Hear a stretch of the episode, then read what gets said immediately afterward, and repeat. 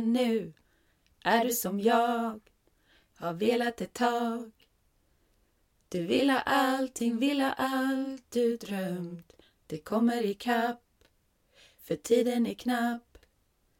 Så vi tar allting, vi tar allt och vågar chansa. Bege mig för att dansa. Vi kommer aldrig pausa, inte längre nu.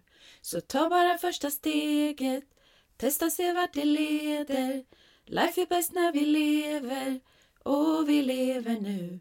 För vi lever nu. Bam! Yeah! God morgon, god morgon Jossan! God morgon! Så här tidigt brukar vi inte spela in. Nej, Och då är klockan tio. Så så tidigt är det ju inte.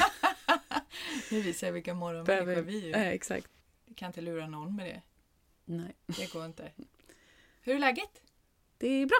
Lite sådär på gränsen till eventuellt bryta ut en förkylning. Men eh, annars mår jag fint.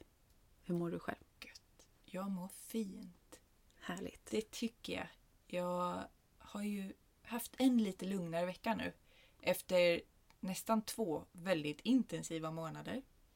Så att, ja det är skönt. Nu har jag lite mer tid att, att bara andas och slappna av lite mer. Härligt.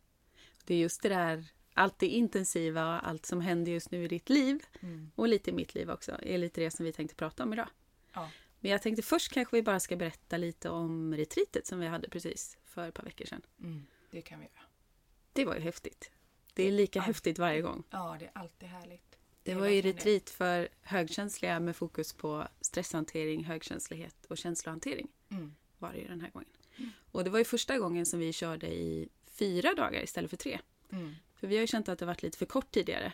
Att eh, precis när deltagarna har varit mitt i sin process så har det varit dags att avbryta och skicka hem dem igen. Ja, men precis. Så den här gången tyckte jag att det kändes som att vi fick med Ja, jag vet inte. Vi fick med mer på något sätt. Eller att de fick också mer, mer space och tid att få ha sina processer på något sätt. Mm. Ja, men nu kändes det precis lagom tycker jag. Mm. Även om både du och jag var väldigt trötta på söndagskvällen. Jo, jo det Men, var eh, man ju i och för sig. Men vi höll ju på till måndagen. Ja. Och det konstiga var ju att på måndagen så, så var vi ju pigga. Mm. Alltså jag var inte särskilt trött sen resten av, av veckan heller. Nej, eller hur? Så det kom en sån trötthetsdipp liksom i, på söndagen men sen så mådde jag bra igen. Mm. För det ger ju så mycket energi också. Mm. Samtidigt som man blir trött av och för du och jag är ju ändå vad heter det? Nej men det är ju vi som ordnar hela retreatet och ska ha koll på allt. Mm. Men det ger ju så otroligt mycket. Eh, och få höra alla fantastiska människor öppna sig så mycket. Vara sårbara. Dela sina historier och sina, sina känslor. Mm. Och, ja, det är fantastiskt att få komma så på djupet. Mig människor så- som man aldrig har träffat förut. Eller hur? Jag känner mig så privilegierad varje gång jag får bara ta del av det där. Jag Ja. tycker det är superhäftigt. Ja. Och den här gruppen var ju också väldigt ja, men på något sätt samspelta eller bjöd in också till öppenhet. Så det kändes som att de hade väldigt stor behållning av varandra. Mm. Och att de kunde stötta varandra i sina egna processer och verkligen ja, men finnas där på ett icke-dömande sätt. Och det tyckte jag var så himla fint att se. Mm. Ja, verkligen. Det var inte du och jag som behövde bära hela gruppen utan vi gav förutsättningarna Mm. på något sätt. Och vi pratar mycket om det här med att det ska vara ett tillåtande klimat och välj för dig och sånt. Det, det är ju det som vi upprepar mest nästan hela helgen. Mm. Och vi blir ju glada typ om folk inte kommer på alla övningar och sånt för det betyder att de har valt för sig. Mm. Eller att de går och sätter sig och äter själva. Ja men eller hur? Ja. Och vi tar det verkligen inte personligt om de inte dyker upp på morgonen på det här medveten yoga eller medvetna rörelser. Utan bara så här, skönt, ja men då har de tagit sovmorgon eller ute och tar en löptur eller vad de nu behöver. Mm. Så jag tycker det är väldigt eh, ja, det är befriande och det är en väldigt eh, menar, härlig liksom, miljö även för oss att vara i. Mm. Ja, det är otroligt privilegierat som du säger att få, få jobba Mm. i en sån miljö och med sådana människor. Eller hur? Ja, det är fantastiskt. Och sen, alltså jag försöker alltid utgå ifrån min egen känsla när vi liksom packar ihop och du vet, avslutar ett retreat så försöker jag utgå ifrån så här, okej, hur kändes det här för mig? Känner jag att jag bidragit med det jag ville bidra med? Kan jag stå för allt det här? Hur känns det så? Och jag hade en, en väldigt härlig och fin och varm känsla. Men sen när man dessutom läser utvärderingarna och ser att alla deltagare, utom en, gav 10 av 10 i betyg och den sista gav 9 av 10. Då känner man ju så här, okej, okay, men skönt, då är vi på rätt spår. Mm. Det är ju verkligen ett, eh, ett kvitto på att på något sätt ens egen känsla stämde då. Mm. Att det kändes bra och det var för att de också tyckte det. Mm. Ja, men verkligen. Plus att den här gången var det så skönt för vi kunde släppa allt med matlagningen ju till Mm. våran mamma som var med och min svärmor som var med. Ja, men precis. Mm. Men det är också härligt just det här att för varje retreat som vi har så blir det ju mer och mer vårat, Mm. om man säger så. Att vi ändrar lite för varje retreat så att det ska stämma med vad vi tycker om. Mm. Inte vad andra människor som håller retreat gör. Mm. Och bara släppa det där hur det ska vara. Utan Mm. vi, vi bygger upp det som, som vi själva vill ha det. Gå på våran känsla. Ja. Så att vi har ju ändrat en hel del från första retreatet till nu. Mm. Det är Ja. det som är så häftigt att få se hur det växer fram. Ja. För vi, vi testar ju och prövar olika grejer hela tiden. Mm. Och bara, "Nej, men nu kastar vi in en sån här övning. Det här, den här tror jag på. Eller Mm. Nej, nu ändrar vi på det på det här sättet. Eller nu ändrar vi tiderna. Eller nu lägger vi in mer av sån tid. Och det känns... Eh, det är väldigt stimulerande och spännande för det är ett ständigt skapande. Mm. Och det här med att skapa är ju ofta viktigt för oss som är högkänsliga. Att vi får utlopp för kreativiteten. Mm. Och det får vi verkligen gällande det här. Mm. Det är jättehärligt. Ja, det får man säga. Jag hoppas att vi får hålla på med det här i många år till. Eller hur? Hålla retreat i många år till. Och jag känner verkligen varje gång också en, en tacksamhet gentemot deltagarna och också ett, att jag är imponerad över deras mod. Mm. Att de vågar lita på oss, vågar komma dit, vågar visa sig sårbara. Bara det är ju en otrolig stor vinst för dem. Liksom. Och Det är ju största steget. ganska långt för att komma på Nej, de gör ju det. också. Det är ju det som är så häftigt. Det är ju från hela landet verkligen. Ja. Så att, ja, nej, Ja. det är ju bara att... Tack! Tack till alla er som har kommit på våra retreat. Mm. Tack till alla er som vågar lita på oss och tro på oss. Ja, Det känns jättehäftigt tusen tack för det. och lyxigt. Mm. Mm. Verkligen. Det är ju dags igen för nästa retreat i, sen i november. Mm. Då kommer det också vara fyra dagar, men nu har vi plockat bort stresshanteringsdelen och lagt den på eh, vår nästa variant på retreat som handlar om eh, mental träning och Mm. mindfulness och stresshantering. För att vi ska kunna djupdyka mer i det. Medan det här retreatet blir då högkänslighet, känslohantering och mindfulness. Mm. Och det är ju den 12 till 15 november. Så där finns platser kvar om man är sugen på att boka in sig på det. Då kan man ju gå in och kolla mer på våra, våra hemsidor i så fall om ni är intresserade av det. Ja, och speciellt på Jossans. Gå in på tankar om högkänslighet. Jag tycker att du är duktigare på att uppdatera. Får du promota dig själv? Läs inte på min hemsida. Nej, men just med det här med retreat och sånt. Då antingen på Jossans Instagram eller på Jossans hemsida. Hon är duktigare på det där än mig. Så är det bara. Tack. Men det är ju det där också tycker jag som är härligt när man samarbetar, att man har olika styrkor. Mm. Det är ju oftast jag som är lite mer ansvarig för liksom marknadsföring och sprida och skriva inlägg och sånt, för du tycker inte det är lika kul. Och Mm. jag tycker det är kul. Så det är det som är bra, att då kan vi dela upp lite. Mm. Men däremot så anmäler man ju sig i så fall till dig. Mm. Eh, Eller om man har det. frågor också. Vi Mm. försöker ju växla lite för att och liksom hjälpas åt lite med ansvaret. Ja, men precis. Vart anmäler man sig då eller skriver frågor? Till min mail på caroline.hållbarhälsahalmstad.se Och Caroline med C kanske vi också ska lägga Ja, till. precis. C och E på slutet. Mm. Exakt, så det kan ni göra om ni, är, om ni har några frågor eller om ni vill anmäla er. Yes. Då är ni hjärtligt välkomna att göra det. Ja, men verkligen. Ja, nu ska vi dyka in i spännande saker, vad vi har för oss i livet det närmsta och inte minst du. Mm. Herregud vad det händer mycket i ditt liv just nu. Ja, så härligt. tror 17 av dina senaste veckor har varit intensiva. Känns som att du, du har varit lite all over the place och gjort olika grejer. Det kan man säga. Berätta. Snacka om att multitaska fast med stora områden. Eller hur? Eh, jo, det är ju så att i augusti så blev jag och min man ägare till en liten gård. Yay! Yay! Det har ju varit en av dina stora drömmar länge. Ända sedan jag tillägga. var liten. Ja. Jag har verkligen drömt om att bo på en gård och ha lite djur. Fler än de jag har just nu. Men det har jag drömt om sedan jag var liten. Mm. Så att, och nu äntligen ska det bli verklighet. Så i januari får vi tillträde. ja, det ska bli så spännande. Ja. Och det är ju... Vi flyttar ju inte långt liksom, så det är skönt. Mm. Men eh, ja, nej, så härligt. Så då ska jag ha min verksamhet där. Jag ska ta emot för samtal och massage. Förmodligen på loftet i den i drängstugan heter det ju. Just En det. gammal sån en liten lada, uthuslänga typ. liksom. Mm. Mm. För gården har ju rötter från 1700-talet. Mm. Eh, så det är så häftigt. Jag älskar det. Jag ser verkligen framför mig hur du fixar i ordning det loftet och gör i ordning sådana panoramafönster ut mot ängarna där.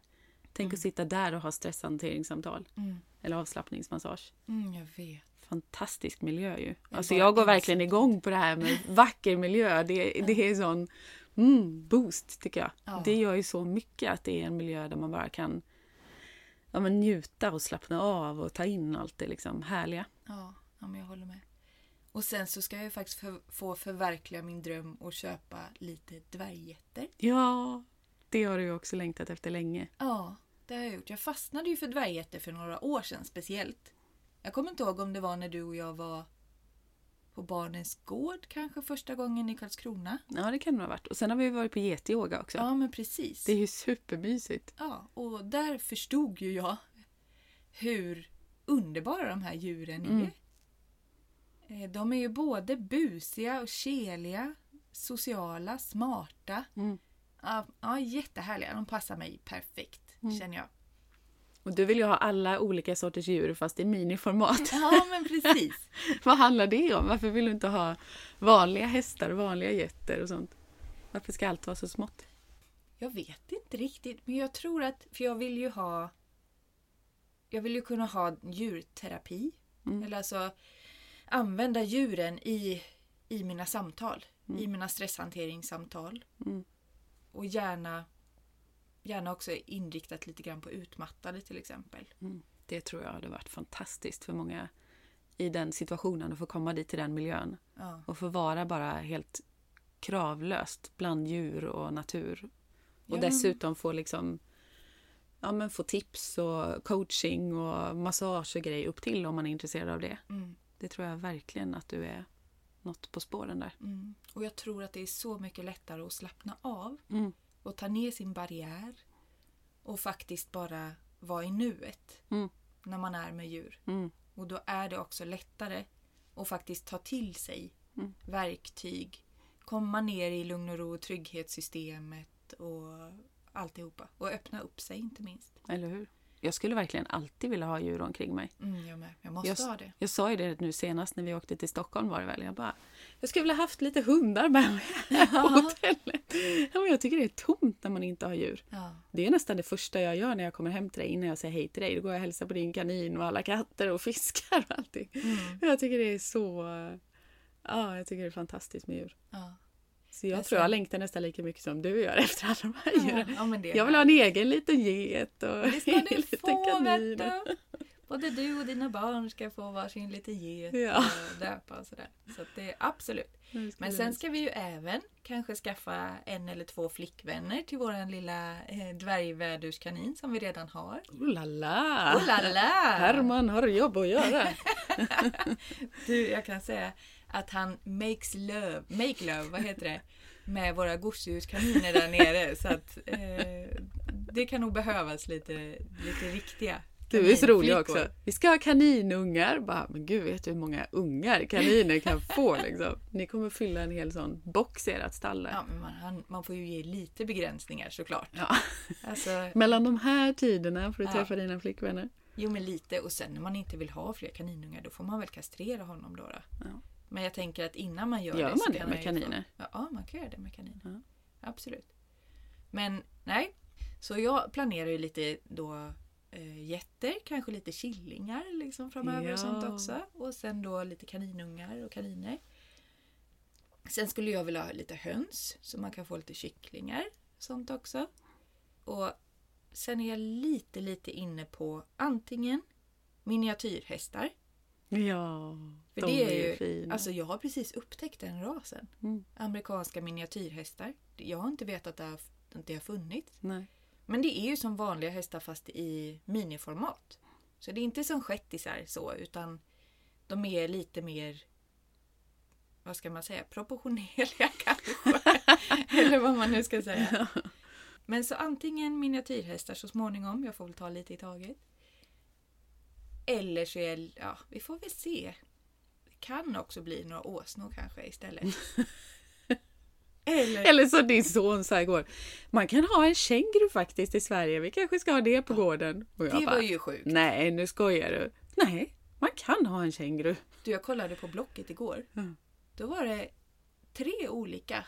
Fast det var wallabies. Som du Ja, trodde jag också. menar det. Alltså Mm, för de är mindre än vanliga kängurur. Ja, men det passar ju på våran gård då. Ska du ha det också? Vem vet? Jag är ju lite galen. Så det skulle ju kunna bli lite vad som helst. Men du, vad säger din man om allt det här? Vill han också ha så här många djur? Alltså, jag, ja, saken är ju att han är ju egentligen lika djurkär som jag är. Sen kanske han inte är lika drivande i allt det här. Han vill mest ha en traktor tror jag. Ja, han är ju väldigt En sugen på en traktor. Så är det ju. Ja. Men han blir ju lika kär i alla djur liksom, som, eh, som vi har. Och det var lite roligt också. Vi har ju två katter sedan tidigare. Men nu när vi köpte gården så följer det med en katt med Ja, gården. just det. Ja. En gårdskatt. Som bor på loftet där. Ja, som bor på, på loftet i ladan. Så att eh, vi får hoppas att han kommer överens med katterna vi har. Mm. Det tror jag. Mm. Det är så pass stort område liksom. Så att ehm, Ja, det ska bli jättespännande. det finns många djur att gossa med, helt klart. Mm. Och sen har jag ju, alltså jag har så mycket idéer. Jag ska börja med getyoga. Mm. Jag har ju redan pratat med en tjej som heter Madeleine som är yogalärare, för det är ju inte vi. Nej, Ehm, för du har inte tänkt att du ska utbilda dig till det? Inte nu Nej. i alla fall, det vet man aldrig. Men jag, nej, det ligger inte i den närmaste framtiden så. Då finns det andra Kan som är hitta bättre på, på lite yogaposer, kalla det för yoga. det. Ja, precis. Vi får väl se. Ja. Nej, och sen har jag ju lite idéer på glamping. Ja, alltså det. glampingtält Mm. i hagarna där. Mm. Så att man till exempel ska kunna vakna upp och ha lite djur direkt utanför tältet. Mm. Så, om man vill det. Gud, jag tyckte det lät så härligt som du sa förut att de som har hästar kunde få komma dit och bo med hästen liksom, eller rida dit eller så, och så bo i glampingtält. Jag vet inte om det finns någon marknad för det, men det låter ju det låter ju väldigt exotiskt. Ja, ja men eller hur? Gör folk sånt? Rider man runt mellan olika ställen och bor över? Ja, men det finns ju någonting som heter bed and box. Jaha, okej. Så man kan rida någonstans eller ja, mm, köra med, Mm, med hästtransport eller så dit. Och sen bor man som ja, man bor liksom med sin häst. Det låter skitmysigt. Så hästarna kan ju gå utanför i hagen och så bor man själv i glampingtälten. Eller, eller Mm. så ställer man in hästen i box, box, för det har vi också plats för. Hästen får också bo i tältet. Kanske. Om det är miniatyrhästar. You never know. Allt är möjligt. Ja, men precis. Nej, men så att det och du vet, det finns så mycket potential. Mm. Logdans och konserter och ja, Jag allt tror, här möjligt. kommer ju verkligen din sensationssökande sida till sin fulla rätt. Jag vet. Du får ju bara spåna idéer åt höger och vänster och alla håll och kanter. Sen kanske du lite får trampa på bromspedalen ibland också. Men eh, du får väl se vad som känns mest kittlande och lätt liksom i Mm. magkänslan. Vad du ska börja med. Eller ni. Ja, och det, alltså, jag menar inte att allt måste komma på en gång. Nej. Det kan ju utvecklas under ett, ett antal år. Mm. Men jag bara känner så här att min idésprutar personlighet passar så bra för det här. Mm, det gör den verkligen. Och det här att jag älskar djur och lugnet och naturen och att jag kan ha min verksamhet där och så. Mm. Så att ja, nej det är bara helt galet. Och det, ja. Jag tycker det ska bli superhäftigt. Ja, men jag med. Det känns eh, helt fantastiskt verkligen. Mm. Men det var ju häftigt, jag måste också berätta. Att jag vet inte om ni där ute tror på, på lite hälsningar från andra sidan. Och jag vet knappt om jag tror på det heller. Men det var så häftigt för i somras, eller i alla fall kanske en eller två veckor innan, innan vi köpte gården. Så kom min son till mig och så sa han Mamma, det sitter något här inne. Jag var utomhus och gick in och tittade. Och då satt en jättevacker trollslända på, på en fotoram på mig och min farfar. När jag var liten och red på hans rygg. Det är så fint i kortet också. Ja, men det ja. Och den... Det har aldrig flugit in någon trollslända in hos oss förut. Och just att den satte sig på hans kort var också väldigt häftigt. För det är ju honom jag har ärvt den här djurälskande sidan av mig. Mm. Han hade också en liten gård. Eh, han hade får som var som hundar för de blev så tama. Mm, de följde med honom på promenad Ja. på berget där de bodde. Ja precis, jättetama höns. De hade ju hästar också ett tag. Ja, Mm. precis. Så att, och sen i samband med det, jag tror till och med att det också var innan vi köpte gården, jag kommer inte ihåg. Så drömde jag om farfar nästan varje natt. Mhm. Och fick liksom så här att han sa till mig att han skulle hjälpa mig Coolt. eh, i det här. Och trollslända betyder ju typ, vad är det betyder nu igen? Ja, men typ förvandling, förändring, Ja, utveckling. ja men precis. Mm. Eller betyder, men Det symboliserar ju Ja, det lite. precis. Mm. Så att, och det var så häftigt för att efter vi hade fått gården så kände jag bara en sån otrolig tacksamhet till speciellt honom. För det kändes som att han hade varit med i hela den processen. För det var helt sjukt hur vi fick den. Det, Mm. Sån tur kan man inte ha. Hur många anmälningar var det på visningen? Det var mellan 60 och 70 anmälda till visningen. Just det.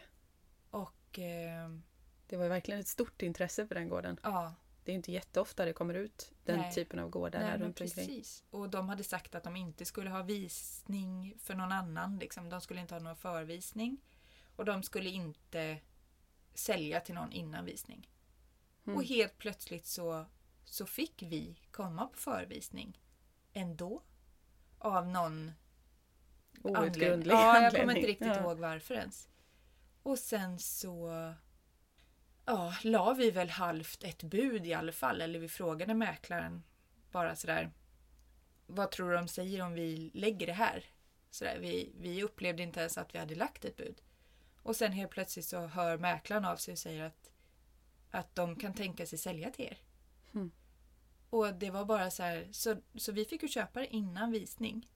Mm. Hade det gått till visning hade vi aldrig haft råd med den. Nej. Jag vet det. För det var många andra som redan hade bestämt sig att de bara skulle ha den. Så att, nej det var... Det var någon mening med att den skulle komma till er på något Ja vis. men verkligen, det känns som att det nästan var ja, overkligt. Liksom. Mm. Fint ändå att farfar fick vara med på ett hörn. Det var väl fem år sedan va? Han gick bort. Mm. Och jag Mm. brukar inte drömma om honom. Jag brukar inte liksom... Alltså jag känner ju så att jag tänker på honom ibland så, men inte så stark närvaro och så som det var nu. Mm. Då har ju snarare farmor varit med mig ibland Mm. när jag har behövt tröst och så. Men nej, det är, det är häftigt det där. Verkligen. Och det känns som att ju mer man lyssnar inåt på något sätt överhuvudtaget på vad man behöver och vad man drömmer om och faktiskt ja, lyssnar in och tar hand om det. Och våga följa sina drömmar. Ja, Man vågar hoppa liksom. desto mer kanske man känner av sånt annat också. Det var ju lite det vi ville signalera med våran sång där i början. Alltså Mm. våga chansa, våga hoppa, våga drömma. Mm. Att allting är möjligt faktiskt. Om Ja, man verkligen precis. vågar tro på det och vågar bjuda in det till sitt liv också. Ja. Våga ta emot. Ja, och ställa sig den frågan lite då och då. Att om allt vore möjligt, Mm. vad skulle jag vilja göra då? Och jag Hur älskar jag frågan också, vad längtar jag efter just Ja. nu?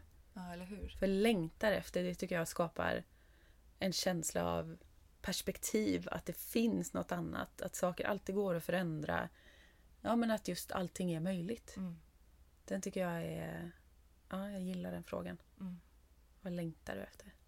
Det är väl det i och för sig vi frågar mycket på våra retreat också. Mm. Och det är ju det man ser hos deltagarna. Att det öppnar upp helt nya dörrar. Eller hur? Helt nya möjligheter i dem. Och det tycker jag också ofta att jag hör när jag har vägledningssamtal. Jag har ju ofta samtal via telefon, men jag hör ju ändå hur den frågan och jag märker ju av liksom på sättet de pratar också, men jag hör hur det påverkar dem. Att så här, ah, men nu känns det lätt och öppet och härligt och du vet. De kanske upplever att de på något sätt sitter fast. Mm. Och sen så bara, men vad längtar du efter? Då är det precis som att de vågar lyfta blicken och bara se att det kan finnas något annat. Mm. Så och häftigt. ibland räcker det ju också att göra små förändringar i den situationen som man har, är i. Ja, det behöver ju Just inte vara nu. några jättestora grejer heller. Nej. För det kan vara små förändringar som gör en stor skillnad. Verkligen.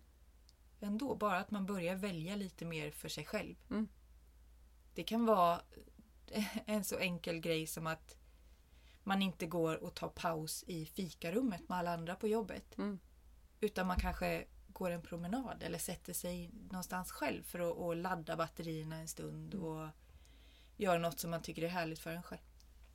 Själv? Satt du i halsen? Ja. Eller hemma. Att man faktiskt vågar pausa, vågar vila där också. Mm. Inte bara i drivsystemet hela tiden. Vågar ta tid för sig själv.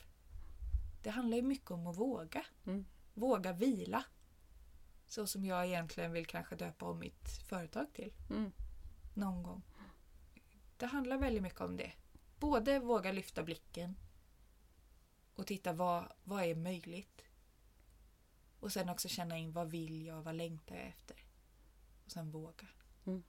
Och fortsätta, precis, fortsätta ställa frågor till sig själv. Mm. Oavsett liksom vad som pågår och vad man är liksom medveten om. Eller man ska säga, vad som pågår i ens tankar och känslor och vad det är. Men om det på något sätt känns skavigt eller tungt eller någonting. Att man kan fortsätta fråga. Mm.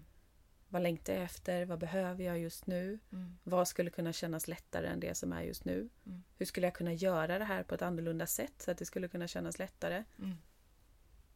Eller liksom, ja. Vad är jag medveten om? Mm. Vad handlar det här om? Ja. Alltså massa sådana frågor. Ja. Men verkligen. Men jag har ju också gjort en annan spännande sak nu i höst förresten. Mm. Och det är ju också någonting som jag har gått och liksom funderat på i några år och varit sugen på. Jag kommer inte riktigt ihåg hur jag kom in på den tanken. Jag tror det var någon gång i samband med att farmor dog. Jag ska just säga att där har du med farmor lite i den. Jag vet. I den så delen. Häftigt. För farmor jobbade ju som barnmorska.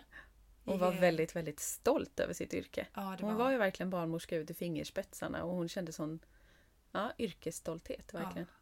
Jag kan tänka att hon var en fantastisk barnmorska. Mm, det tror jag också.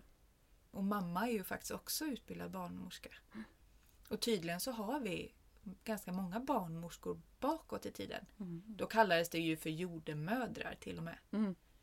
Men så någonstans så finns väl den genen i mig också lite. Mm. Fast jag då inte vill ha det medicinska ansvaret. Så att nu har jag ju faktiskt i höst också utbildat mig till dola. Ja.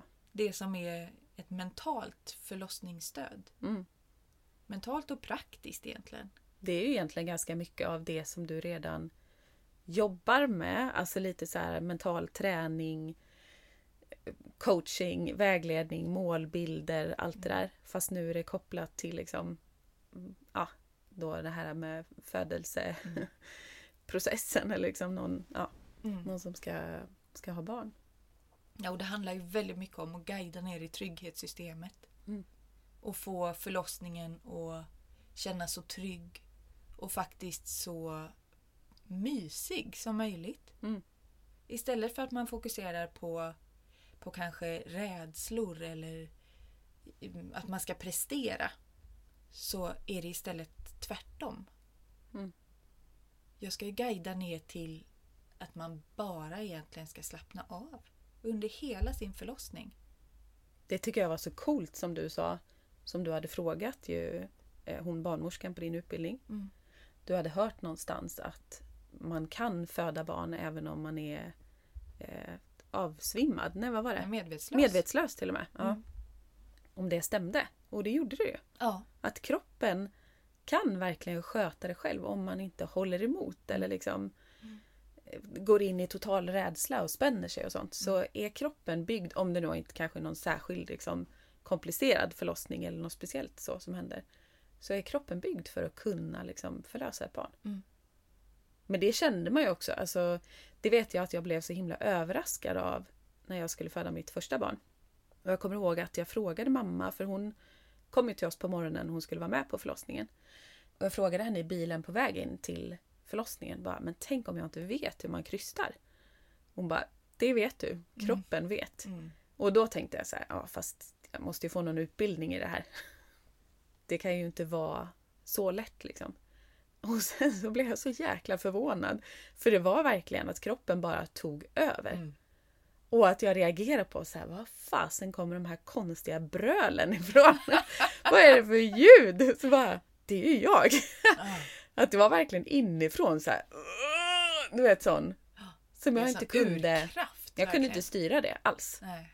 Och det tyckte jag var så coolt.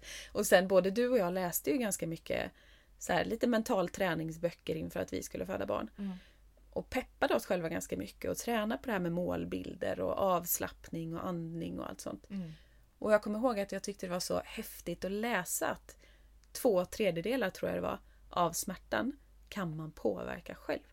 Mm. Och då kände jag verkligen så här, oj, men gud vad jag kan faktiskt påverka och göra det här till en mer liksom, lättare och ja, men mer angenäm upplevelse än vad jag kanske hade varit rädd. För jag hade ju varit rädd hela mitt liv för att föda barn. Mm, Jag kommer ihåg att jag tänkte när jag var liten, bara, jag kommer aldrig våga föda barn. Det verkar så sjukt läskigt. Mm. Så därför då grep jag det halmstrået och bara, ja, jag ska påverka det här och inte känna mer smärta än vad jag behöver. Mm. Och det gav mig verkligen hopp. Ja, men mig med. Och jag Ja. hade jättestor nytta av de här Eller hur? verktygen. Jag med.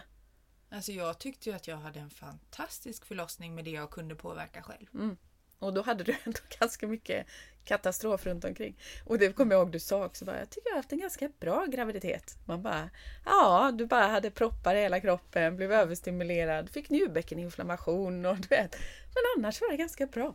Men det handlar ju så mycket också om hur, hur vad är det man säger? Det handlar inte om hur man har det utan hur man tar det jag och tror att det var handlar- mycket din inställning med. Att så här, Ja, och fast jag, de här delarna var bra. jag tror att det handlar väldigt mycket om vad man väljer att fokusera på. Mm. Alltså jag skilde ju på hela den här sjukdomsgrejen av Mm. min graviditet och faktiskt barnet i magen. Mm. Alltså för sjukdomsgrejen, det kopplade jag knappt ihop med graviditeten. Nej, du gjorde inte det. Nej, alltså det var inte... Nej, jag vet inte. Jag gjorde inte det. Och när jag då bara tänkte på bebisen i magen och hur det kändes och bara få ha ett liv i sig som växer. Det var helt fantastiskt. Mm. Och då hade ni längtat i fem år också. Ja, ja vi hade ju kämpat länge liksom. Men Mm. jag kommer ihåg det, att, det här är, att jag tänkte så här, det här är förmodligen den enda gången jag kommer vara gravid. För jag kände att jag inte skulle våga gå igenom det igen med Mm. alla risker så. Så nu ska jag njuta av varenda sekund. Mm. Som jag känner sparkar i magen eller sådär. Eftersom jag tyckte det var mysigt. Alla tycker ju inte det. Nej. Men, men jag och det är ju det. verkligen... Alltså det är så lätt att man känner sig fel för att man inte så här, kanske uppskattar det som är eller om man har längtat jättelänge efter att få barn och sen så vågar man knappt erkänna för sig själv att det är också svinjobbigt att vara förälder Mm. ibland. Liksom. Usch, ja. Det är så lätt att man sätter massa såna här ja, men hinder och begränsningar för vad man får tänka och känna på något sätt. Mm. Men det är återigen Sanningar. no right, no wrong. Alltså det är verkligen okej oavsett hur man, hur man känner och upplever det. ja. Så att som sagt, du tyckte det var härligt men alla tycker inte det. Nej. Och det är lika okej ändå. Liksom. Ja.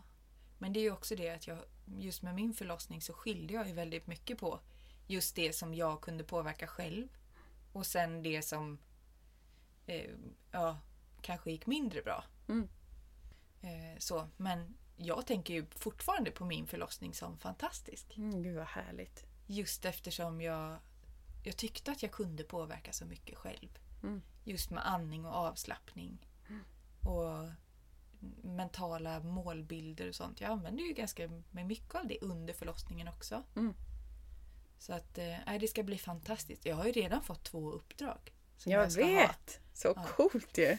Med några som jag känner Ja. sen tidigare ju. Det är ju en, en tjej som jag har jobbat tillsammans med. Och som, det var lite roligt för när hon var 17 år då kände inte jag henne men då kände jag hennes mamma. Då sjöng hon på vårt bröllop. Just det. Ja. Och sen så när, några år efteråt så jobbade vi tillsammans som, eh, ja, på en skola där hon var lärare och jag var specialpedagog. Och nu så hörde hon av sig till mig och frågade om jag ville vara med på hennes förlossning i december. Cirkeln är sluten. Cirkeln är sluten! och sen den andra förlossningen som jag ska få vara med på. Eller resan, eller vad man ska säga. För man är ju med både innan, under graviditeten och sen under förlossningen och sen lite efteråt. Så. Mm. Det är ju faktiskt en tjej som har gått våran kurs. Jag vet. Så häftigt. Mm. Spännande att du ska få vara med på det. Mm. Så att, eh, ja, det ska bli jätteroligt. Mm. Verkligen. Men lite pirrigt. Förstår det. Jag tror det kommer vara en klippa att hålla fast vid. Men för dem, de som väntar barn. Jag tror att det kommer vara verkligen någonting som du kommer passa för. Ja, jag tror det. Speciellt kanske sen när jag blir lite varm i kläderna. Mm. Och känner att jag har gjort det ett antal gånger och ja men ja, sådär. Då tror jag faktiskt också att jag kan bli, bli en trygghet och bli ett stöd. Så. Du ska ju vara lite jour väl i typ tre veckor där. Tre, fyra veckor. Du kanske spenderar din 40-årsdag på förlossningen. Tänk vad spännande! Vem vet? Ja, Ja. ja, det skulle ju nästan kunna bli så faktiskt. ja, du fyller ju år eh, första december så att Ja. man vet aldrig. Men jag ska vara nöjd. ja, det skulle det. Ja, verkligen. Gud vad spännande.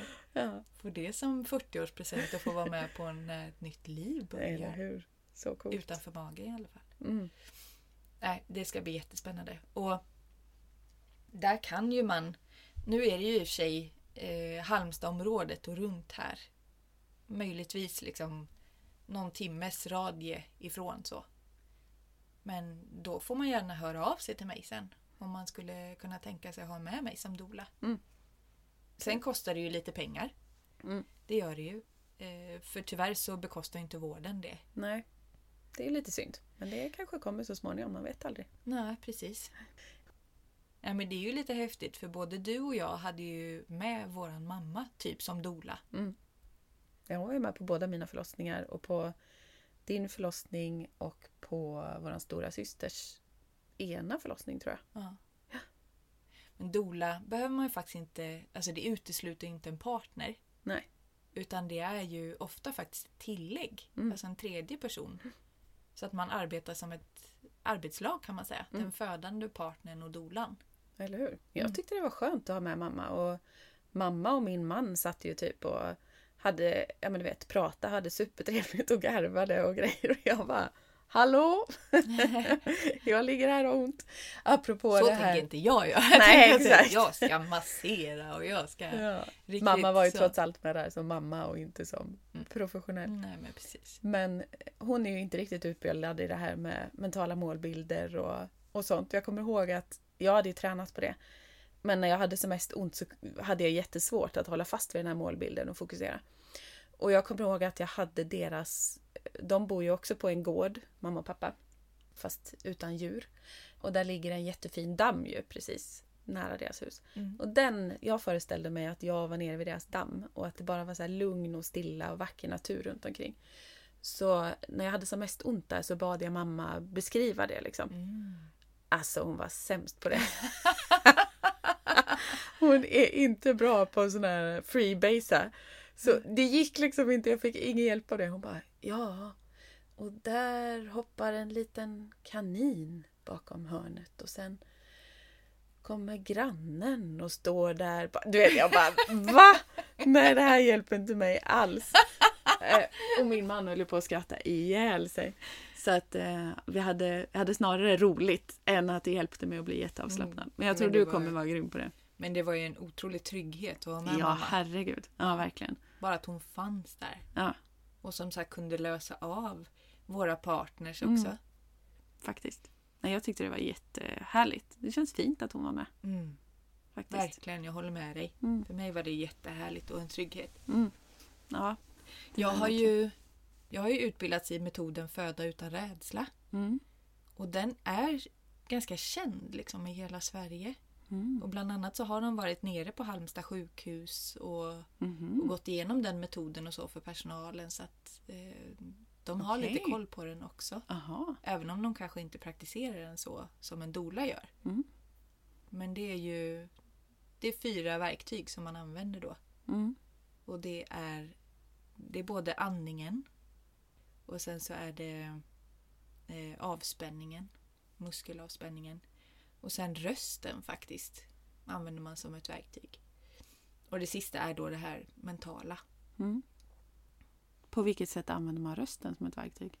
Ja, men det är för att om du tänker när du pratar om du pratar så här ljust Mm. så spänner man musklerna i magen. Man, man spänner kroppen och låser kroppen på ett annat sätt. Och så pratar vi ofta när vi blir stressade Mm. eller rädda.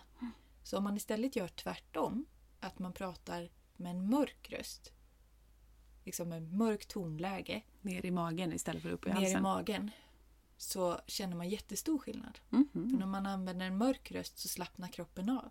Är det den spänna. som föder som ska använda mörk röst eller är det ni runt omkring som ska stötta? Det är alla Ja. egentligen, men det är ju först och främst... Kommer in där och pratar med basröst. Exakt. ja, hej, vad heter du då? Nu ska vi se om vi kan Ja. få någon bebis här. Ja, men precis. Ja, men tydligen så är det väldigt kraftfullt Jaha, Mm. coolt. och guida ner i trygghetssystemet. Ja. Alla de här verktygen gör man för att guida ner i trygghetssystemet. Mm. Lugn och ro-systemet. Vi pratar ju mycket om de här systemen på våra retreat också. Ja. Trygghetssystemet, drivsystemet, hotsystemet. Och det tycker jag är häftigt för det är ganska ofta som deltagare får lite så aha-upplevelser av det. Mm. Att de verkligen tar till sig det och bara oj men gud nu blir jag medveten om att jag är typ aldrig i mitt trygghetssystem och jag är i driv hela tiden eller bara i hotsystemet och det här ska jag verkligen ta till mig. Liksom. Och jag har inte heller känt till det där fram tills liksom, för några år sedan. Och när jag också började läsa om det så blev jag verkligen så här, men shit! Vilken, vilken bra scanning liksom, för sig själv för att veta lite var man befinner sig och vad man behöver mer av. Mm. Jag läste ju, jag vet för några år sedan så var ju vi eh, på Mallorca. Du och jag och mamma och så våran syster. Mm. Och då läs, började jag läsa en bok som heter Utan press av Sofia Viotti. Eh, Och där står det bland annat mycket om de här olika systemen. Mm. Eh, Och eh, självmedkänsla och sånt. Den boken är verkligen toppen tycker jag. Den kan jag verkligen rekommendera alla att läsa. Ja. Så att ja, det finns mycket där som man kan faktiskt eh, lära sig och utforska mer om. Men jag använder de systemen också hela tiden Ja, typ, för att skanna av. Och, och man kan ju också göra ganska mycket för att faktiskt påverka det där. Mm. Man kan göra ganska mycket för att komma ner i lugn och trygghetssystemet. Mm. Eh, För det är ofta det vi behöver mer av. Kan du ge några exempel på, på vad man kan göra? Så att de där ute vet vad de skulle kunna...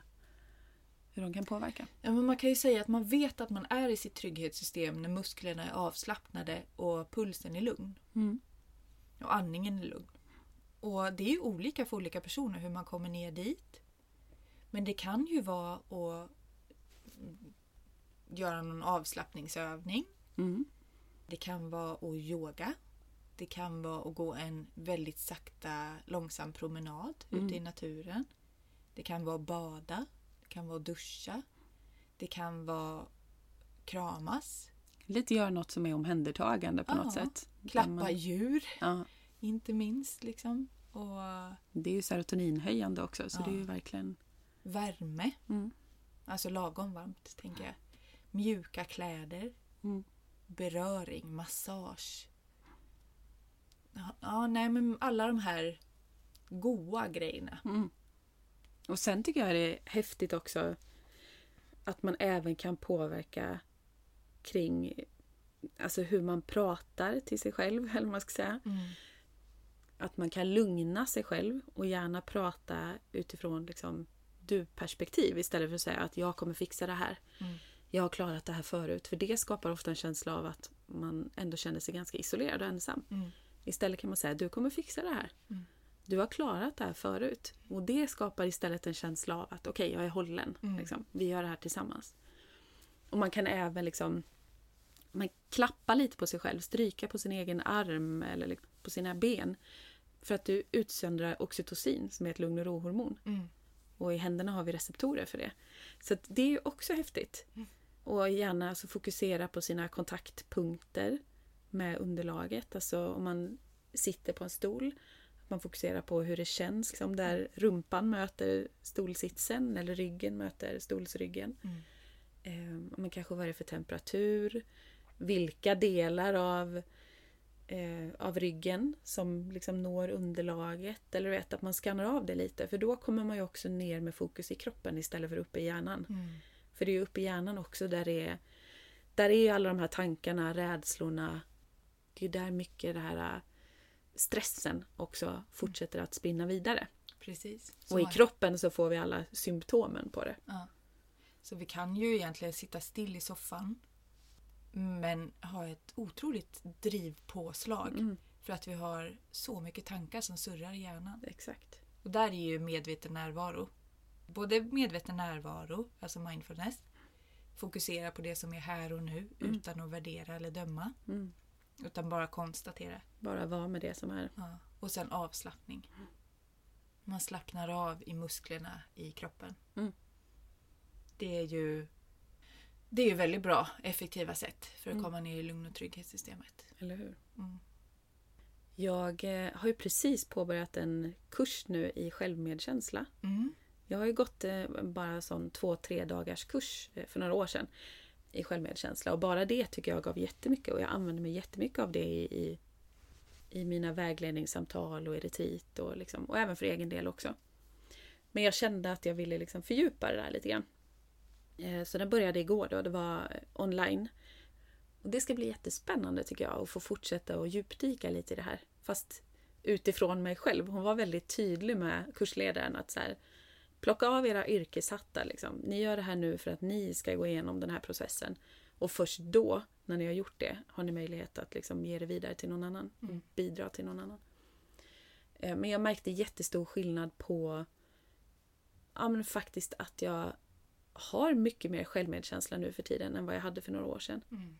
När vi började på vår mindfulness eh, instruktörsutbildning då var jag ganska dömande mot mig själv och kände så här, jag kommer aldrig kunna lära ut det här till någon. Jag kan ju inte ens fokusera själv på den här övningen en stund och mina tankar bara far runt överallt och det här kommer aldrig gå. Och hon gjorde olika sådana visualiseringsövningar igår. Och tyvärr hörde jag typ hälften av den ena övningen för jag hade lite dålig internetuppkoppling just då. Men det kunde jag också släppa och, och sen var det efteråt så här, nu ska ni delas in i par och diskutera det här. Jag bara, mm. Vad var frågan? Men det är också skönt att jag kunde släppa det och bara så här, okej, det blir vad det blir. Jag släpper all prestation, fortsätter att bara vara öppen och ha barriären nere Mm. och ja, se vad det blir. Men jag märkte när jag gjorde den här visualiseringsövningen att jag hade lättare för att släppa taget nu än vad jag haft tidigare. Skönt. För jag tror att jag gjorde den vid någon av de tidiga mindfulness eller självmedkänsla kurserna jag gick. Och då tyckte jag var mycket svårare. Bara, Åh, jag ser inte det där hon säger och nej, nu, nu kom det någonting i vägen här och du vet, man försöker trycka bort. Och istället, nu börjar hon övningen med så här, du går på en stig, du vet, antingen någon du känner till eller en ny stig. Och så beskrev hon. Och då såg jag att stigen i Trollskogen där du och jag brukar ha Mm. mindfulness-promenader. Och jag liksom såg all den här vackra gröna mossan och träden och sånt. Och sen sa hon, nu kommer du fram till en äng. och jag bara, oh no, det finns ingen äng här. nu, då blev det du vet, sånt tvärstopp att jag bara, aha, nu, nu måste jag snabbt hitta en annan stig här som jag kan visualisera. Men jag släppte det, jag bara, okej, ja ja, nu är jag på en äng. Och nu kommer jag fram till en brunn. Ja, du vet så. Och det var jätteskönt, för hade jag gjort den för några år sedan då hade jag dömt mig mer för det och bara nej, det var ju fasen, jag kan ju inte det här. Och nu bara okej, nu blev det lite annat än vad jag först var inne på här, men det är okej. Nu släpper vi det. Mm. Och jag, så jag märker verkligen att all träning i mindfulness och självmedkänsla har gjort så mycket nytta för mig. Mm. Och nu, vi skulle också fundera på varför vi ville gå den här utbildningen. Och jag vill ju egentligen mest gå för att kunna fortsätta att sprida liksom på våra retreat och till klienter och sådär. För jag känner att jag egentligen har ganska god självmedkänsla. Och där kände jag, jag försökte leta efter så här, ja, men hur är jag mot mig själv om jag misslyckas? Och bara, nej men oftast är jag rätt schysst mot mig själv då. Det som jag i så fall dömer mig själv mycket för är min kropp. Eller hur jag ser ut. För att jag önskar att jag hade tagit bättre hand om min kropp. Och det vet jag ju, det ligger ju hos mig att jag behöver få in och träna mer, äta mindre sötsaker och godis och sånt. Men mentalt annars, gällande liksom den jag är som person, Mm känner jag att alltså det är nästan änglakörer för skillnaden Mm. mot hur jag har varit tidigare i livet. Så jag vill verkligen, verkligen skicka med alla där ute Mm. att det går att påverka och förändra så mycket mer än vad man någonsin kan tro. Mm.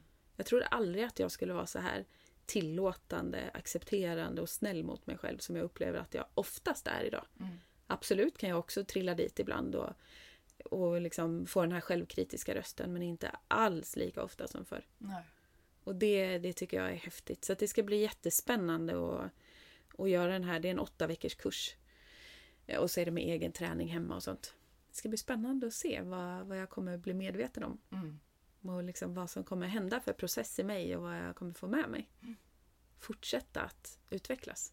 Det är ju verkligen också en gåva som du kan ge vidare Mm. Till andra människor. Så att jag, ja, för det, jag håller med dig. Självmedkänsla är ett av de viktigaste verktygen som du och jag har fått med oss tycker jag. Mm. Och det är otroligt viktigt framförallt liksom gällande oss som är högkänsliga. För Mm. vi är ofta väldigt snabba på att döma ut oss själva. Mm. Och ofta ganska snabba på att kritisera oss själva. Mm. Och det pratade hon ju också om igår att alltså hjärnan kan inte skilja på om det är liksom ett yttre eller inre hot. Stresssystemet går igång och hotsystemet går Mm. igång Mm. på samma sätt ändå. Så även om det bara är självkritik så kickar det igång hela vårt hotsystem. Mm. Så fattar du där vad mycket man kan påverka för sin inre stress och hela hotsystemet genom att bara prata vänligare mot sig själv och Mm. vara mer tillåtande. Det är som jag kanske har nämnt tidigare i podden. Men eh, jag skiljer väldigt mycket på kroppen och på viljan och det nu för tiden. Mm. Eller tankarna. När jag får mina dagar när jag inte alls mår bra, när man är väldigt, väldigt trött eller när kroppen verkligen signalerar att den behöver vila och att jag måste backa. Så, så gör jag ju väldigt ofta nu för tiden att jag klappar på mig själv Mm. och säger att så är jag kroppen, nu ska jag ta hand om dig tills du mår bra igen. Och det kan ju låta jätteflummigt och det kan låta jätte, eller kännas konstigt att säga så i början. Mm. Men ju mer, fler gånger man gör det, desto härligare känns det. Mm. För när jag blir sådär trött eller när kroppen signalerar så ligger man ju ofta i hotsystemet. Mm. Man gör ju det. Man har hög puls, kroppens muskler är spända. Man har bara stresspåslag i hela kroppen. Mm. Mår jättedåligt. Men när man säger så till sig själv, eller till kroppen. Nu ska jag ta hand om dig tills du mår bra igen. Mm. Det, det får mig direkt att hamna i trygghetssystemet istället. Få hela kroppen att bara slappna av. Mm. Bara ja. med en så pass enkel handling liksom. Ja, Ja, och just att man kan säga så här. Om man känner att kroppen signalerar väldigt tydligt att den inte orkar att gå på en fest eller orkar att göra något speciellt som man har sagt att man ska göra. Då brukar jag säga att jag hade jättegärna velat komma men min kropp orkar inte. Mm. Så jag måste säga nej, tyvärr. Där tycker jag verkligen att du inspirerade och verkligen visade att du lever som du lär nu senast på retreatet. För nu var det första gången som du och jag åkte hem och sov hemma varsin kväll. För att liksom, ja, men vara med familjen och hjälpa till med barnen och sådär. Och på lördagen åkte du hem och sov och då... Eh, vi avslutade ju egentligen liksom dagen eller kvällen i samband med middag vid typ halv sju. Och så frågade vi ju deltagarna så här, vad behöver du för resten av kvällen? Vad längtar du efter? Och då var det ju många som var nyfikna på lite det här med breathwork. Alltså jag är inte på något sätt någon specialist på det. Det vill jag verkligen inte låtsas att jag är. Men liksom en light-version av det. Du får förklara vad det är. Det är nog många som inte vet vad breathwork är. Ja, det är ju egentligen att man, man andas på ett visst sätt, alltså lite mer intensivt. Och så ligger man, eller i alla fall den typen av breathwork som jag har varit med om. Det kanske finns andra varianter, det vet jag inte. Men ligger man i alla fall och lyssnar på musik i kanske en timme. Och bara fokuserar på andningen. Och så genom det så hjälper man kroppen att liksom förlösa olika känslor. Och det var många som var nyfikna på det men som var lite så här, ah, men jag är lite rädd ändå, oh, men, men ändå nyfiken. Så då sa jag, men jag kan hålla i det ikväll och så mm, jag kan liksom börja visa med andningen. Men känner du att det blir för intensivt eller liksom så, så bara återgå till att andas som vanligt. Så jag släppte andningen ganska fritt och, eh, ja, men och så gick jag runt och liksom, ja, men höll, höll runt dem, höll runt liksom fötterna eller axlarna eller lite lätt tryck eller liksom, ja, men hjälpte till att vagga dem lite och sånt för att också kunna förlösa känslor. Och det, för det första är det så intressant. Jag ska snart komma till varför du var inspirerande. Jag ska bara berätta. För det första är det så intressant vad man själv tänker. Alltså det här är ens egna sanning om på något sätt. Ja, men när jag har varit med på breathwork tidigare så har det ofta varit ganska tydligt att människorna har gått igenom olika typer av releaser. Liksom, att det har kommit mycket känslor och så. Och den här lilla gruppen som jag gjorde det för den här gången, det var bara fyra deltagare då, var ganska lugna. Liksom. De var i sina egna processer men de var ganska lugna. Du menar tysta? Ja, tysta och liksom, ja, det var inte så högljutt och liksom så tydligt vad de gick igenom. Eh, så först tänkte jag så här, eh, ja, det, det vet jag inte om det gjorde någon skillnad det här typ. Liksom. Om jag kunde bidra på något speciellt sätt eller om det här var något att ha för dem. Men ja, ja, nu har vi gjort det här. Och efteråt hade vi en delning. Och de var jätteuppskattande och bara Det var så häftigt det här och jag var verkligen inne i min process och, och jag grät till och med och du vet fast det hade varit liksom tysta bara försiktiga, försiktigt rinnande tårar. Så jag hade inte alltid märkt av det hos alla liksom. Men de tyckte i alla fall att det hade varit en jättehäftig upplevelse. Vilket för det första visar då att saker är inte alltid som man själv tror. Eh, men sen så var ju de lite nyfikna på att göra det här kvällen efteråt igen då. Fast eventuellt fler av deltagarna. Och då skulle jag ju åka hem. Och du skulle hålla i dig själv då. Och du eh, var ju lite sådär, jag har inte gjort det här förut men ja, kan väl testa. Men sen tycker jag det var så inspirerande för du var ju så trött den dagen och jag med. Det var ju på söndagen. Mm, jag hade huvudvärk hade jag ju. Ja, det hade vi båda två. Och jag tyckte det var så inspirerande att du sa så här, vet ni, jag måste vara ärlig och, säga, och erkänna en sak. Att jag orkar faktiskt inte hålla i breathworken ikväll. Jag känner att jag behöver återhämta mig. Mm. Jag behöver lägga mig och sova tidigt. Och så. Och det tycker jag var så häftigt. Att du verkligen kunde släppa prestationen i det också. För vi hade ju egentligen från början inte lovat något annat än att vi skulle avsluta kvällen halv sju. Och sen var det deras egen fritid. Mm. Så det var inte så att vi från början hade sagt att vi kommer ha breathwork på kvällen. Men under dagen hade du sagt att ja men det kanske jag kan testa liksom när de ville ha det. Och jag tycker det var så inspirerande att du vågade lita på din känsla där och inte köra över den bara för att liksom, göra de andra glada och nöjda. Mm. För du kände att det kändes tungt för dig. Du behövde verkligen, verkligen vila. Din kropp skrek efter vila. Mm. Och då behövde du välja det. Mm. Och de var ju helt fine med det. De körde ett eget liksom, yin-yoga-pass på kvällen, några stycken och, mm. och sådär. Eh. Fast det var ju också en tjej som berättade dagen efter att det hade väckt ganska mycket i henne. Mm. Mm när jag hade då valt att välja för mig. Mm. Och kanske gjorde dem lite besvikna eller sådär mm. ändå istället. Just för att det låg så otroligt långt bort ifrån henne själv. Även fast hon kände att hon nog hade behövt liksom, mm. göra så med själv också. Så... Det är ju svårt för väldigt många av våra deltagare, framförallt när de kommer dit, mm. att välja för sig. Mm. Alltså första dagen märker man ju verkligen på dem att de så sitter mer som ljus. Och sen ju längre tiden går märker man att de börjar så här. Okej, okay, välj för mig. Vad behöver jag då? Mm. Ja. Så, att, eh, så hon kämpade väl också lite med det där. Mm. Men jag älskar just det här att konstatera istället för att värdera. Mm. För i de lägena när hon sa så här, nej men det väckte jättemycket i mig. Jag blev nästan eh, så här, provocerad. Mm. Så, kan man det. göra så på sitt jobb typ? Ja men och lite så här, men så kan man väl inte göra typ. Och hon sa ju på något sätt. Och istället för att värdera, gå in där och bara Åh nej, hon tycker jag var dålig och mm. hon blev besviken. Så konstaterade jag ju bara mm. att nu blir hon besviken. Punkt. Och det är okej. Okay. Och det är okej okay, ja. Mm. Eller i alla fall att nu blev hon provocerad. Mm. Eh, för att det här kanske är något som hon egentligen hade önskat mer av men inte vågat. Mm. Och Jag gör så jätte, jätteofta nu för tiden. Att jag konstaterar istället för värderar. Mm. i många, många situationer. Både om mig själv och med andra. Och, Livet Sådär. blir så ofantligt mycket lättare Ah, när man släpper värderingar. ja, När man bara kan säga, okej, det var hennes känsla och åsikt. Hon Ja. har rätt att uttrycka den. Eh, det är okej. Ja. Alltså, För man, man ältar inte. nej. Jag Alltså, tycker det är fantastiskt. Det går inte att älta när man konstaterar. Nej. Och det går inte att oroa sig på samma sätt heller. Det blir inte det här tankesnurret som går om och om och om igen. Mm. Utan det blir det blir bara punkt liksom. Mm. Jag har ju till och med reagerat på ibland att jag har reagerat så lite. Mm. Alltså du vet att jag bara Hallå! Är jag, är, är, jag, är jag kvar här inne i hjärnan liksom? Vad är det som händer?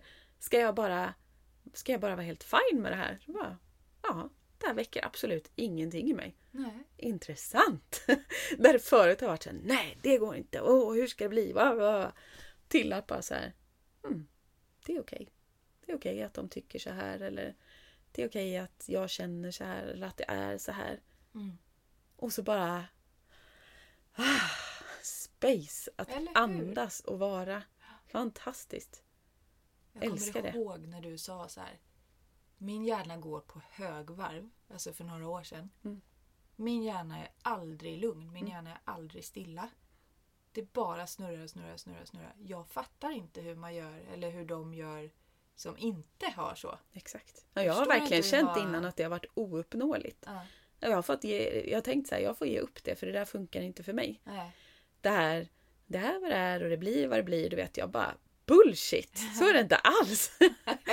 det är så här! Alltså så otroligt mycket mer starka känslor. Ja. Och mer så här, ja men saker blir vad det blir och är det meningen är det meningen. Både pappa och du har ju varit mer så innan. Mm. Och för mig har det varit kinesiska. Jag har inte fattat någonting av hur ni har gjort. Och helt plötsligt är det som att polletten har trillat ner och bara det är vad det är och det blir vad det blir. Va?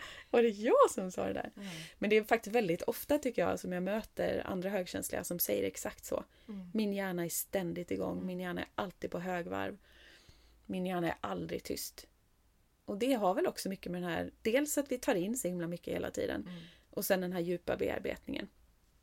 Att våran hjärna är byggd för att processa, reflektera, iaktta, göra alla de här olika grejerna.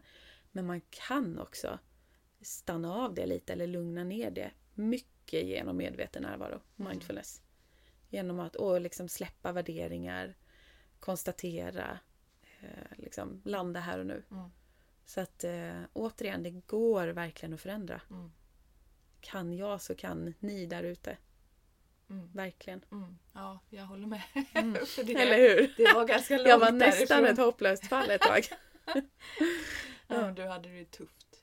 Ja, men jag hade på ju många det. sätt. Jag har också haft det tufft men du har haft det ännu tuffare. Ja, men jag har ju haft det tufft mentalt mycket genom livet. Mm. Du har haft det tufft mycket med liksom acceptera din kropp och Mm. alltså så när du var yngre och att liksom, du kunde inte gå upp i vikt och men du vet alla de Och här grejerna. mycket, mycket smärta ju på olika Ja, sätt. det också. Alltså må Så vi- dåligt liksom så. Vi har ju alltid varit högkänsliga på olika sätt. Eller man ska säga. Det har tagit sig olika uttryck. Mm.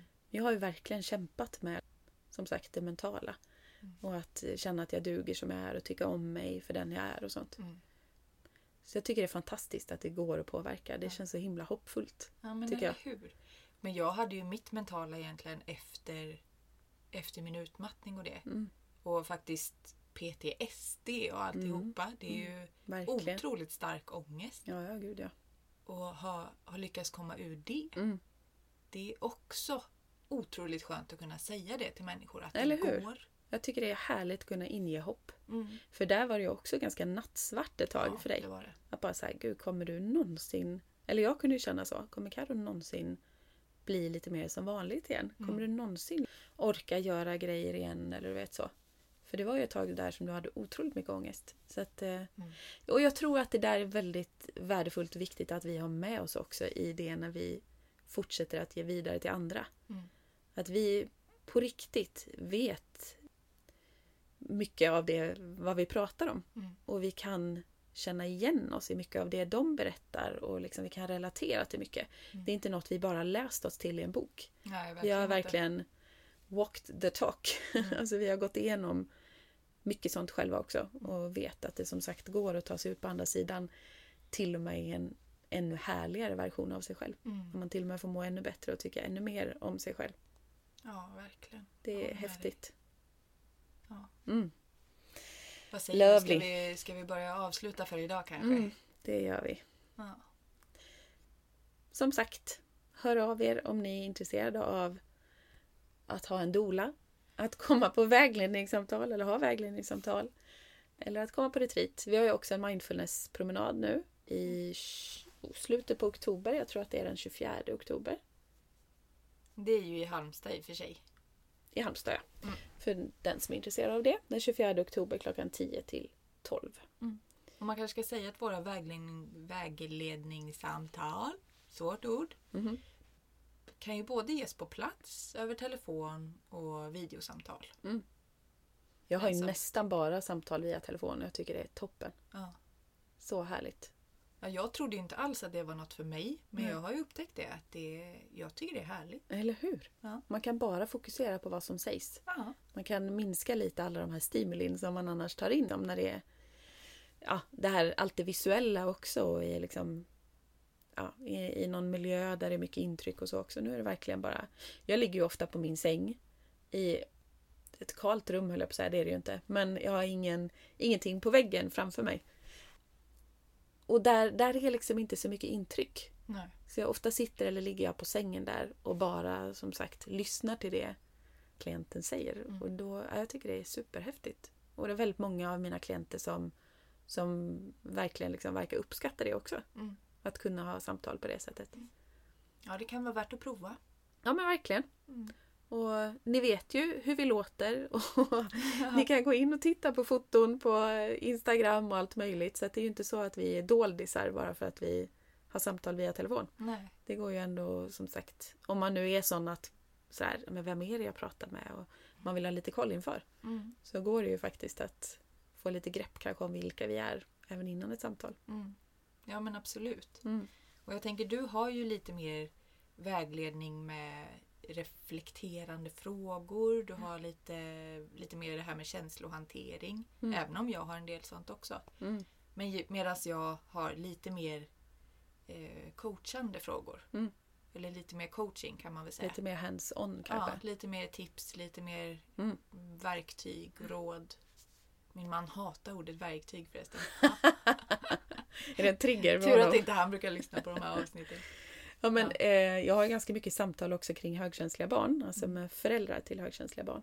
Och de samtalen är ju mer coachande. Mm. Där är ju mer också tips, eh, alltså så. Medan samtalen som är eh, med en person som är högkänslig, där vägleder jag mycket liksom, intuitivt utifrån ja, men en känsla och som sagt ställa reflekterande frågor och, och så. Sen absolut skickar jag med en del tips och så där också. Men eh, ja, där utgår mer ifrån vad känner du, hur upplever du det här och nu, vad vill du prata om idag? Mm.